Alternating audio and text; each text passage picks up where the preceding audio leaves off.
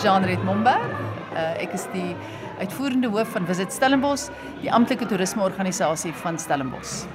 Ons sit nou in Amazink in Kayamandi op Stellenbosch. Die laaste keer toe ek hier was, was tydens 'n woordfees 'n paar jaar gelede dat dit anders gelyk. Nog steeds vir my interessant, maar nou is daar soveel kleur. Ja, ons is nou in 'n op 'n ander vlak. Ehm um, so dit was baie um, wonderlik dat Bertus Passon, die bekende chef, het 'n um, program op in die sop en hy het vir Amazing gekies as een van sy restaurante wat hy wil uit die sop uitgehaal het want uh, met natuurlik met Covid het daar soveel uh, veral restaurante baie swaar gekry.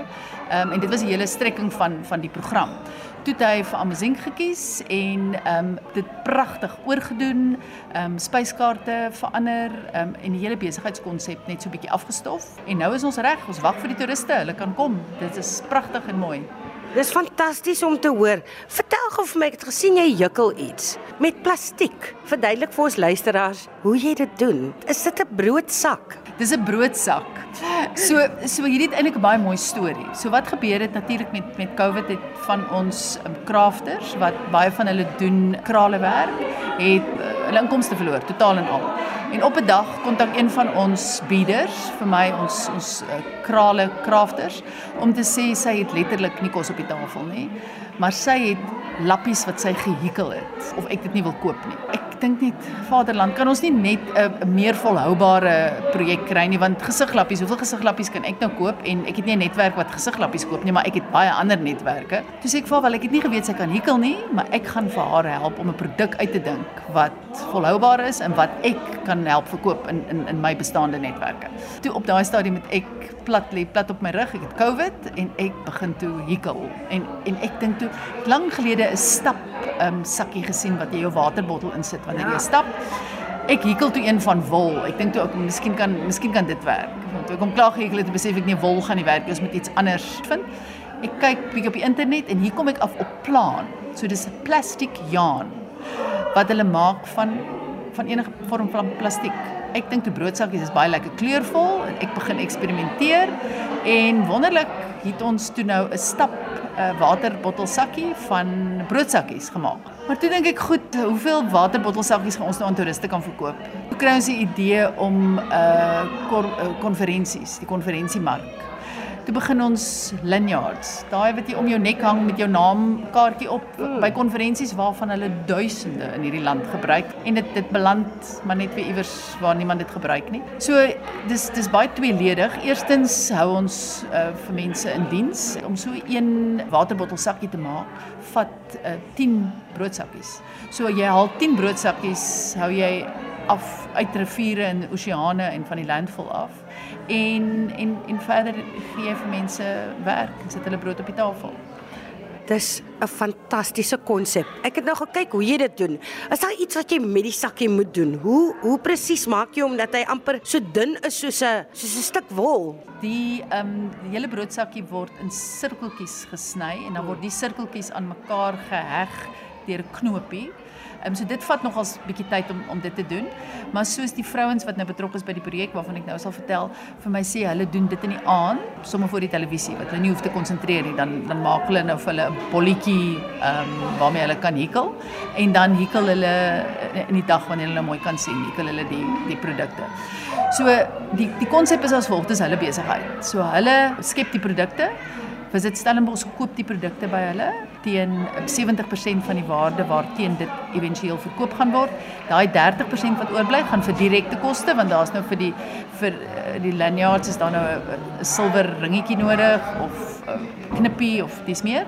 En dan aan die einde van 'n sekere periode dan kyk ons watter van hierdie 30% is nog oor en dan kan die groep vrouens self besluit wat hulle met daai geld wil maak. Hulle kan dit of hulle self 'n bonus gee of hulle kan ehm um, vir hulle weer belê in die in die besigheid of of of wat ook al. Maar dit is hulle hulle enterprise. So, so dit is vir ons belangrik hierdie is enterprise development.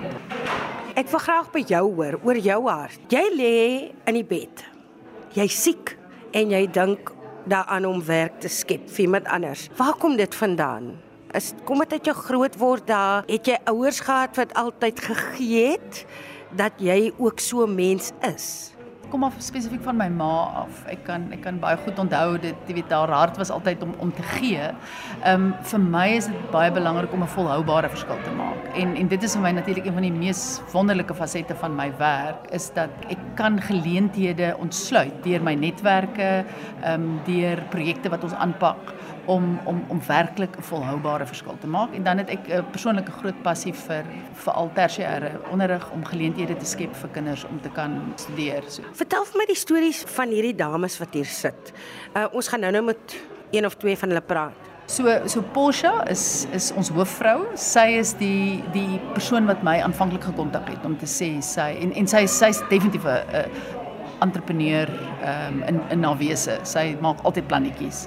Ehm um, maar ek dink jy weet COVID het baie mense se planne net eenvoudig laat opraak. So sy hardloop met die projek. Sy is die een wat alles koördineer. Die, die broodsakkies, dis natuurlik 'n groot uitdaging. So jou luisteraars, enigiemand wat vir ons wil broodsakkies gee want dit ja. is dit is op hierdie stadium ons grootste struikelblok. Ons het nie genoeg broodsakkies. Ehm um, so die universiteit gee vir ons.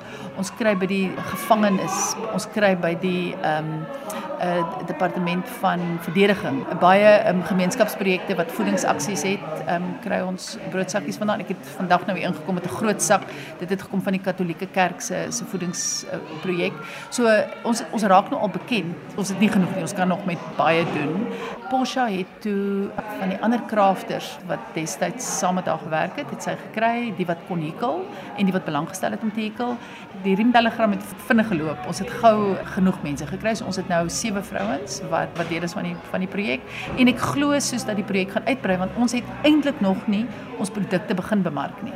Die bemarking wat ons gedoen het of of die verkope wat tot op hede gegenereer is is eintlik maar mense wat gelees dat ons broodsakkies soek en dan wil hulle meer oor die produkte weet en dan maak hulle bestelling. Die wonderlike ding van 'n konferensie mark is dat weet wanneer hulle bestel, bestel hulle 300, 400, ons het selfs al 'n 2000 lanyard bestelling gekry. En en en dis ongelooflik hoe trots ehm um, die vrouens natuurlik is want ons neem hulle altyd na die konferensies toe want dan kan hulle ook van hulle ander goedjies daar verkoop en dan sien hulle hoe hierdie mense dit te dra.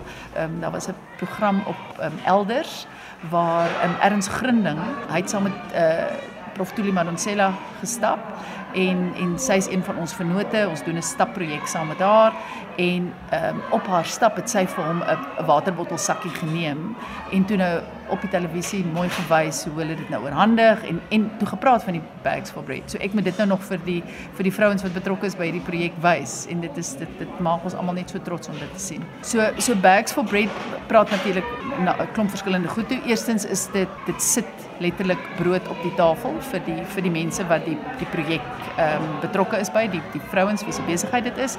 En dan die die die broodsakkie self die bags uh, wat wat verwyder word uit die uit die stelsel. Wat bags for bread betref, is ek gedurig besig om uit te kyk na na nuwe produkte wat ons kan kan skep. Ons dink daaraan byvoorbeeld om 'n 'n missie, want dit is sulke mooi helder kleure. Ja. So om om missies te hekel en dan binne uit te voer lekker met vlies. En mense gee vir ons idee. Ons het 'n wynbottelsak wat iemand vir my ge, gesê het toe hulle sien wat ons doen, ma, maak 'n wynbottelsak. Ek soek altyd 'n sak.